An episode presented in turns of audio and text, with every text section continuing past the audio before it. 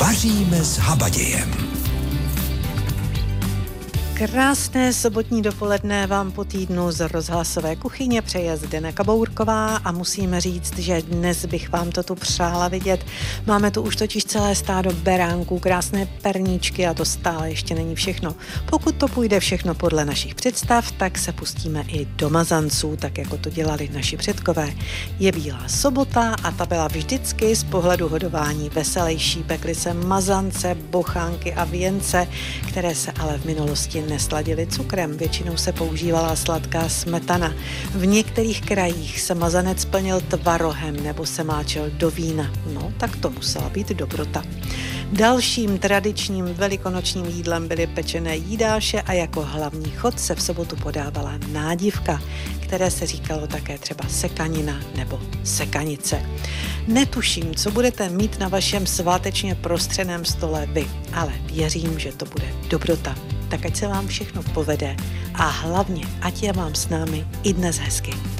Kuře plněné rajčaty a špenátem budeme dnes podávat. A já vám zopakuji suroviny, které byste měli mít po ruce. Potřebujete tedy dvě velká kuřecí prsa, tedy pokud budete dělat pro dva samozřejmě, pak půl hrnku sušených rajčat, půl hrnku špenátu nasekaného na hrubo, půl hrníčku síru feta, pak ještě půl hrnku mozzarelly, olivový olej, sůl a mletý pepř. Tak, co vám ještě dnes nabídneme?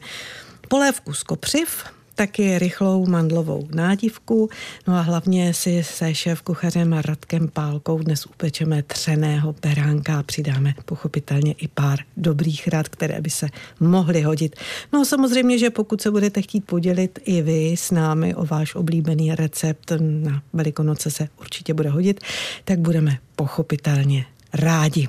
Číslo znáte 726 46 46 46. Tak. A co dál? No samozřejmě nabídneme ještě spoustu hezkých písniček. Recept pro dnešní den. A vy víte, že to bude kuře plněné rajčaty a špenátem a já vám teď řeknu, jak na to. Takže kuřecí prsa osolte, opepřete a potřete olivovým olejem. Můžete je pokapat tím olejem, ve kterém byla naložená ta sušená rajčata. Ty kousíčky těch rajčat a to koření to pak ještě krásně dochutí. Ostrým nožem nařízněte do masa kapsu a naplňte těmi rajčaty, špenátem a sírem. Snažte se vložit co nejvíce té náplně, hezky to tam namačkejte, no a pak párátky spojte ty naplněné kapsy, aby se příliš nerozevíraly. Rozehřejte pánev a nechte to maso z obou stran z prudka zatáhnout. No a pak máte dvě možnosti, buď tady můžete samozřejmě dodělat na pánvi na nižším plameni nebo v troubě předehráte tak na těch 190 stupňů, záleží to jen a jen na vás. Tak co si k tomu dáme? Určitě se hodí brambory, vařené, pečené, bramborová kaše, podle toho, co máte rádi. To je tedy recept. A recept pro dnešní den, tak se do toho dejte, my se do toho taky samozřejmě dáme, k tomu si ještě zahrajeme a pak už přivítáme v naší kuchyni milého hosta, šéf kuchaře Radka Pálku a upečeme si společně velikonočního beránka. Dnes je Bílá sobota a milí posluchači, jak už víte, já jsem vám to v úvodu říkala, my máme milého hosta, Radek Pálka, dobrý den. Dobrý den. Bílá sobota, jak pak u vás ta Bílá sobota vypadá? Chystáte, chystáte, finišujete? Tak, Přesně tak, ten víkend před těma velikonocema, nebo ta bílá sobota a ta, ta velikonoční neděle, to je takzvaně už jako jde do tuhýho, jo? Už, no, je, už se to nedá jako od, nějakým způsobem odbít, to znamená, už jsme ve fázi, kdy já až přijedu domů, tak půjdeme s rodinou sbírat kopřivy a bylinky na to, aby jsme udělali velikonoční rádívku, hmm. Eh, bylinky na to, abychom eh, mohli obarvit vajíčka, protože vaříme klasicky v gáze a, a s, cibule, cibule a tak dále. No a, a pak odpoledne prostě musíme konečně zadělat na toho beránka, aby prostě do toho pondělka krásně zvláčněl a skřehnul, protože děláme toho posího z toho třeného těsta. No, no a tím by to asi pro dnešek skončilo a zítra, a, nás, a zítra ne, ty uděláme až v neděli Aha. a v neděli uděláme mazanec a vajíčka a máme hotovo, abych, abychom na to pondělí už byli prostě jako v pohodě a měli všechno udělaný. A to vás nikdy nenapadlo, že byste to třeba udělali už v sobotu, abyste měli jako klidnou neděli a pondělí? Ne, tak samozřejmě, a možná, že i napadlo, jo, ale, ale většinou to je o tom, jak, jak máme čas nebo nemáme čas a protože manželka je ještě v práci dneska a většinou ty vajíčka, to barvení, takový jako rodinný mm. rituál, mm. tak čekáme i z toho důvodu na ní, aby jsme to udělali společně v tu neděli. V tom případě tomu naprosto rozumím. Vy jste tam řekl beránka a já musím posluchačům říct, že my jsme se vlastně předem domluvili, že posluchačům dáme ten typ, aby třeba odpoledne si ho mohli upéct nebo zítra, aby si ho mohli upéct tak jako u vás, tedy u pálku, aby si ho v neděli ráno mohli nakrojit. Já když si vzpomenu na své dětství, tak já, když jsem se pak ráno vzbudila v to pondělí, tak tam bylo stádo. Ano. To bylo beránku, maminka dělala takové ty střední a malé, mm-hmm. takže to bylo opravdu stádo, no a to byla ta nejlepší snídaně. To je, to je pravda. To je přesně tak, no. To já to pamatuju jako od mý mamky, kdy vlastně ona pekla ty, ty velké beránky, pak ty malé beránky, ještě pekla jakoby zajíčky, jo, no. takže přesně vždycky ráno tam to bylo prostě vyrovnaný a, a takový ty nejbližší koledníci, ať už to třeba byli jako sousedé z baráku a tak dále, nebo rodina, tak ty kromě klasických jako kraslic dostávali třeba i toho malého beránka nebo toho zajíčka jako, jako to, co se vykoledovali. Jo. A to, to pečení beránka v sobotu má minimálně u nás v rodině, a teď eh, doufám, že moje maminka poslouchá, má velkou tradici.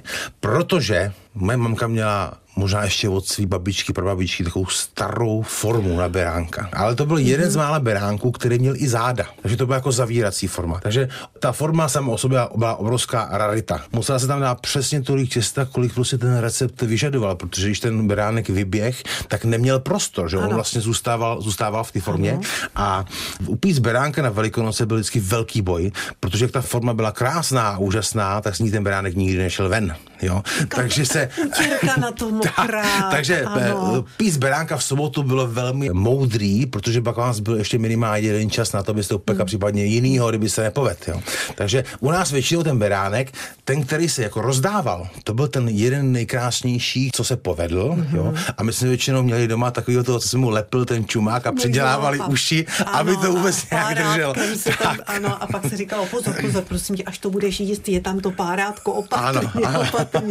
Je pravda, já třeba musím říct, že my máme doma uh, takové ty kameninové, to se kdysi dělali v Třebechovicích mm-hmm. pod Orevem. To jsou taky s tím vrchem. A když jsem kdysi před časem eh, natáčela s panem Václavem Malovickým, mm-hmm. autorem mhm. mnoha kulinářských knížek, tak ten mi říkal, že u tohohle kameninového je důležité, a to jsem nevěděla do té doby, dokud jsme spolu netočili, když se peče ten beránek, tak tak nějak v půlce toho pečení to otočit v té trobě. Teď nemyslím jako břicho na záda, to ne, ale prostě tu hlavičku otočit zase dozadu, hmm. protože přece jenom ta trouba všude nepeče tak stejně. A u těch kameninových forem, že je to docela důležité. Tak to byla jedna z těch dobrých rád. My si teď zahrajeme, milí posluchači, a vy si během té písničky připravte tušku a papír, protože samozřejmě, když je tu Radek Pálka, tak se dostane i na ten recept. Slibovali jsme recept na beránka. Beránka, kterého budeme podávat už zítra, anebo až v pondělí, to je podle toho, kdy si ho, milí posluchači, uděláte. Radek Pálka slíbil, že to bude ta klasika, poctivé těsto. Takže co to bude? No, eh, přesně jak říkáte, je to taková ta klasika, protože v podstatě ten beránek dřív se dělal z toho třeného těsta. Ano. Naše babičky neměly možnost jít někde do obchodu koupit si prášek do pečiva. To, to tenkrát nebylo.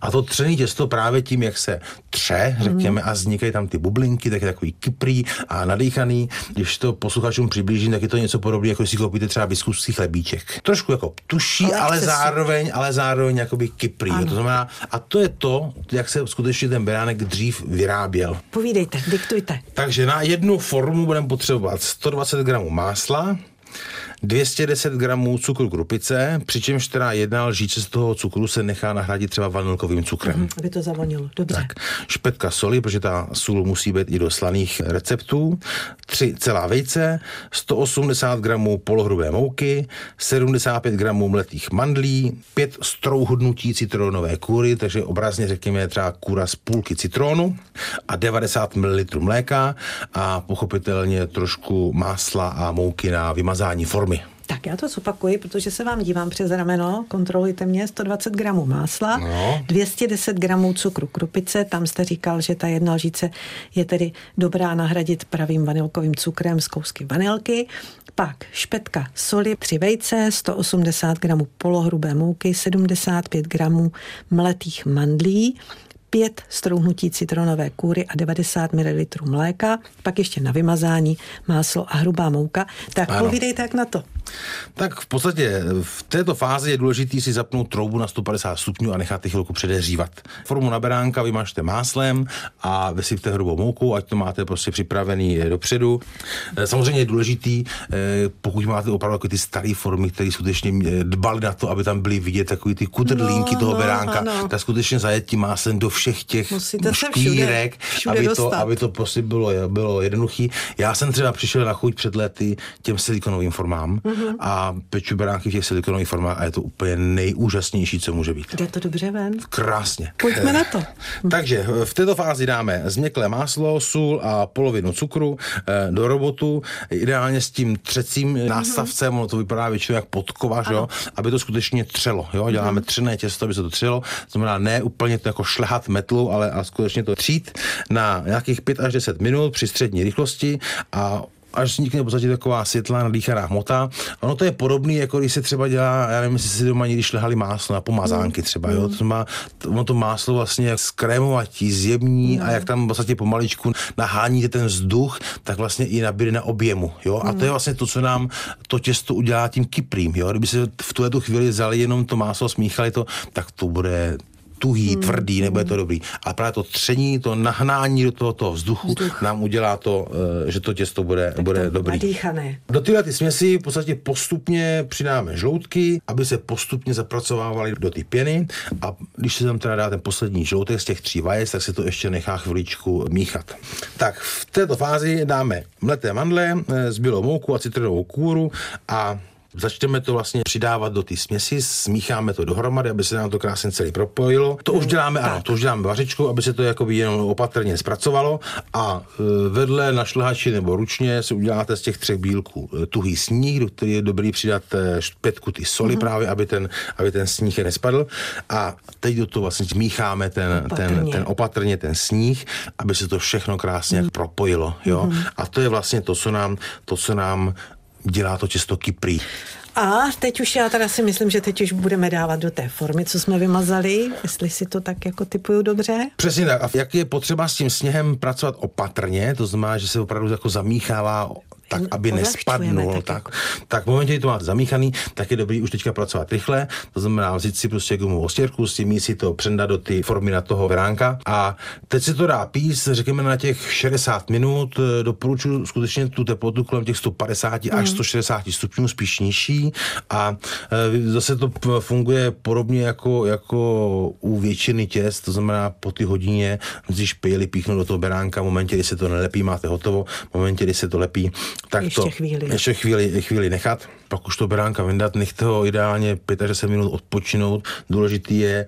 Jako nes... v té formě? Tak, důležitý Ještě? je nesnažit se toho beránka vysypat hned. Nechte ho klidně 50 minut stát. To, ta forma lehce schladne, ten beránek se maličko zapaří, tím se odloupne od mm-hmm. toho, od těch stěn ty formy a pak by měl jít krásně, krásně vyndat. Pokud se teda dobrá, důkladně a postivě vymazali všechny, všechny kouty a vysypali. A, a to se vás chci zeptat, vy tam doporučujete tu hrubou mouku. Hodně lidí vysypává strouhankou nebo používá třeba kokos. Proti kokosu v tomto případě asi nic nemám. Mm-hmm. Ta strouhanka by mi tam možná trošku kladila, jo? protože přece jenom toto těsto je trošku hustší, než jak tady se zvyklí, mm-hmm. když ho děláte střásky při prášku a tím pádem ta strouhanka by se nemusela úplně vkýt mm-hmm. dovnitř mm-hmm. do toho mhm, těsta mm-hmm. a mohla by tam být. Jo? A ono potom by to vypadalo to trošku jak pečený řízek, že by tam ta strouhanka nechávala takový jakoby krupičky mm, na, tom, to, ne, na, tom, to, na tom to, to rozhodně jo? nechceme. Já se přiznám, že já ráda dělám ještě toho beránka beránka taky z tvarohového těsta, protože vydrží dlouho vláčný. Já to střídám. Takže jo? taky tvarohové. No, protože my třeba letos děláme mazanec z tvarohového těsta, no, tak... tak proto jsem zvolil beránka ze třeného mm-hmm. těsta, ale samozřejmě ten beránek z toho tvarohového těsta je taky výborný. Ale ještě jsem chtěl říct, že pokud děláte z toho třeného těsta, tak tam je potom možnost od toho beránka dát třeba ještě rozinky, kandované ovoce a úplně, a úplně nejlepší samozřejmě potáhnout čokoládou, eh, navázat mu červenou mašičku kolem krku místo očí, prostě mandličky, je to, je to fantastický. No, ale co je, co je výhoda u tohoto beránka, tak je vlastně ta doba použití udržitelnosti. Tak, dlouho jo, vydrží. Je skutečně dlouho vydrží. No, pokud vydrží. Je pravda, že já mám taky ráda, když se na to dá ta čokoláda. Já mám ještě ráda, když se udělá z krému taková ta, jo, že tam jo, jo, jsou, ta vlna. tak to je ta vlna, mm-hmm. takže to už je úplně ono. A já mám radši, když se dělají ti menší, a já vám řeknu proč kterou část máte nejradši z toho beránka? Většinou ty konce, to znamená, no začíná se jakoby od, za, od zadu tak. Jo, a těšíme se na hlavu. No, jo, protože tam je no. vždycky nejvíc ty čokolády. No, no a když se udělá jeden velký, no tak... No tak toho je málo, tak to je pravda, je málo, těch patek je málo, ano. Tak proto já mám radši, když se udělá to, víc těch a, menších. To tak, to byl tedy dobrý tip od Radka Pálky, se kterým se samozřejmě budeme setkávat i nadále. Já vám moc děkuji. Děkuji, že jste si udělal čas. Já vím, že teď rychle spěcháte zase do Jaroměře, protože manželka už za chvíli skončí v práci a za chvíli se do toho dáte, takže já vám moc přeju, aby ty svátky velikonoční jste prožili v pohodě a, a aby všechno vyšlo tak, jak si představujete. No a hlavně, tak jste ten šéf kuchař, tak ať všem chutná. No děkuji moc a samozřejmě krásné velikonoce všem, nejen vám zde, no, ale samozřejmě i posluchačům Českého rozhlasu. Děkuji a někdy příště nashledanou. Taky díky, nashledanou. Kuře plněné rajčaty a špenátem budeme dnes podávat a já vám zopakuji, jak na to. Kuřecí prsa osolte, opepřete a potřete olivovým olejem. Jak jsme říkali, můžete pokapat i tím olejem, ve kterém byla naložená sušená rajčata. Ta, ta rajčátka, ty kousíčky a to koření ještě vám to hezky dochutí. Ostrým nožem nařízněte do masa kapsu a naplňte rajčaty špenátem a sírem. No a snažte se vložit tedy co nejvíce té náplně a pak to hezky spojte párátky, aby se ty kapsy příliš nerozevíraly. Rozehřejte pánev, nechte maso z obou stran z prudka zatáhnout a pak už máte ty dvě možnosti, buď to tedy dodělat na pánvi, hezky tedy eh, na nižším plameni, anebo v troubě. To je tedy recept pro dnešní den a teď uděláme něco pro své zdraví. Uvaříme si polévku, kterou bychom měli vařit právě v těchto dnech, jak mi před časem potvrdil autor mnoha kulinářských knížek Václav Malovický, který býval často hostem našeho vysílání a to i na Velikonoce. No a podělil se s námi o spoustu receptů na nádivku, beránka, rybu, pomazánku i na tu polévku, která rozhodně za vyzkoušení stojí. Tak pojďme si tedy tento recept teď připomenout. Vaříte se Zdenou Kabourkovou. Milí posluchači, já jsem slibovala, že vám teď nabídneme polévku, nebude to obyčejná polévka, bude to kopřivová polévka. Tahle ta kopřivová polévka, o kterou jste mi tady požádala, tak tu jsem získal přímo z Pohoří u Opočna. To je úžasná vesnice, kterou mám hrozně rád, takže jestli chcete, Chci. já teda ten recept budu říkat, tak na sádle. Já preferuji sádlo, ale může být i máslo. Osmahneme asi 100 gramů nakrájené slaniny, dobře porostlé, zasypeme ji trošku boukou, tu jížku zalijeme asi 1,5 litrem nejlépe vývaru, ne vody sypeme hluboký vrchovatý talíř nasekaných mladých, ještě těch pálivých kopřiv. Osolíme, opepříme, přilijeme čtvrt litru kyselé smetany, vše dobře zašleháme a podle chuti na talíři posypeme strouhaným sírem nebo syrečkem. To bývaly takové ty tvarohové. No také se dá opečený chleba používat. A zde se v kraji tady používal nejčastěji ty slané domácí homolky. No tak to byl recept z našeho archivu, věřím, že se bude hodit a i v následujících minutách budeme nahlížet do kuchyně našich předků. Etnografka Vladimíra Jakouběhová a Jaroslav Hoření nám teď připomenou, že nejen beránek, ale také kůzlata byla v dobách našich babiček spojená s velikonočním hodováním. Tak se teď na přípravu toho zadělávaného kůzlete podíváme právě teď. Velikonoční hody se v minulosti neobešly bez kůzlečího či jehněčího masa, neboť právě v jarním čase se venkovské chlívky plnily mladými kusy domácích zvířat. Beránek jako obřadní pokrm byl u nás znám od středověku a stejně jako na vesnici se toto maso o velikonocích podávalo i ve městě. V 19. století ho potom nahradilo dostupnější maso kůzlečí. To si můžeme ověřit v domácí kuchařce Magdalény Dobromily Retigové z roku 1868. Upravovalo se ale jinak než na vesnici, například s citronovou omáčkou, se šparglem a smržemi nebo zadělávané. Retigová k tomu uvádí. Časem je mladé tučné kůzle chutnější než beránek a zvláště v hlavních městech se jich o velikonocích na sta místo beránku prodá. Zadeček se obyčejně peče jako mladý beránek, přední čtvrtky však se použijou k zadělání. A my tady máme recept na zadělávané kůzle, tak jak jej vařila Retigová.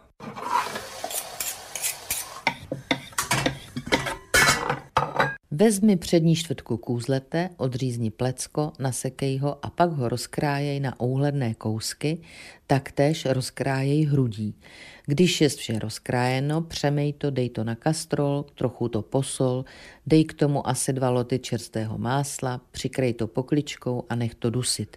Když je to měkké, což dlouho netrvá, můžeš dát sebou dusit asi půl malé drobně rozkrájené cibule nebo trochu zelené petružile a jeden kořínek na koláčky rozkrájené petružile. Dej však pozor, aby to nesčervenalo. Když je všecko dost měkké, přendej maso na jiný kastrolek, na šťávu, nalej trochu polívky, zapraší bílou jížkou a nech ji povařit, pak ji proceď na maso, dej k tomu půl kopy račích ocásků, lžíci račího másla a trochu květu. Potom dej na ohřátou mísu maso do prostředka, račí ocásky v úkol, nalej na to omáčku a nes to na stůl. Vaříte dnes s námi, pokud ano, tak si připravujete kuře plněné rajčaty a špenátem. Já vám naposledy zopakuji, jak na to kuřecí prsa osolte, opepřete a potřete olivovým olejem. Jak jsme říkali, můžete pokapat i tím olejem, ve kterém byla naložená sušená rajčata, bude to lepší. Ostrým nožem nařízněte do, kapsa, eh, do masa kapsu a naplňte rajčaty špenátem a sírem. Snažte se vložit co nejvíce té náplně, pak to hezky spíchněte párátky aby se ta kapsa nerozevírala a dejte na pánev, zatáhnout a pak, jak už jsme říkali, hezky dodělejte buď v troubě, anebo na té pánvě, ale to musí, musíte snížit plamen. Tak, to je tedy recept pro dnešní den. Co jsme dnes už měli? Upekli jsme si baránka, ochutnali zdravou polévku z kopřiv. Co bychom vám ještě tak nabídli? Tak eh, třeba by to mohla být nádivka pokud si teď říkáte, že to nemyslím vážně, protože taková nádívka, než se udělá, že to dá hodně práce, tak máte sice pravdu, ale my tu máme jeden dobrý typ a je to taková ta nádívka na poslední chvíli. Šéf kuchař Miroslav Husák se s námi totiž podělí o recept na mandlovou nádivku, která je hotová raz, dva. Potřebujeme nějakou veku, pokud možno zavadlejší, abychom nakrájili eh, pravidelné kostky, které si mírně upečeme do zlatavé barvy. Přidáme tam žloutky, z bílku si vyšleháme sníh, který tam přidáme později. Ochutíme soli pepřem, trošku lehce muškátového oříšku nastrohneme, nasekáme tam zelenou petrželku, zakropíme žemle trošičku mléka, přidáme kousek másla a ten sníh počipsované mandle, když to bude ta mandlová nádívka, opatrně eh, zamícháme si tu hmotu, kterou dáme na vymaštěný plech a upečeme klasicky jako nádívku v troubě při nějakých 180 stupních a myslím si, že do 20 minut by měla být hotová. Tak se nám pomalu blíží 12. hodina a my budeme podávat oběd. Já doufám, že vám bude chutnat a doufám, že vám bude chutnat i příští týden, kdy si připravíme zapečené těstoviny s brokolicí a co budete potřebovat 250 gramů těstovin, jaké máte rádi, to necháme na vás, 200 gramů brokolice, česnek, pak taky 250 ml smetany ke šlehání, dvě vajíčka, 100 gramů ajdamu, sůl a pepř. No pokud jste na maso, tak si tam dejte kousek toho uzeného. 250 gramů těstovin, 200 gramů brokolice, česnek, 250 ml smetany ke šlehání, dvě vejce, 100 gramů ajdamu, sůl a pepř. Máte to těstoviny, brokolice, česnek, smetana ke šlehání, vajíčka, ajdam, sůl a pepř. No a někdo si tam možná připsal to uzené. Je to na vás. Tak a to je pro dnešek všechno. My se budeme loučit. Tak tedy na závěr ještě přání od Zdeny Kabourkové. Přeji vám, aby ty svátky jste prožili v klidu, v pohodě s těmi, které máte rádi a kteří mají rádi vás. No hlavně, ať vám chutná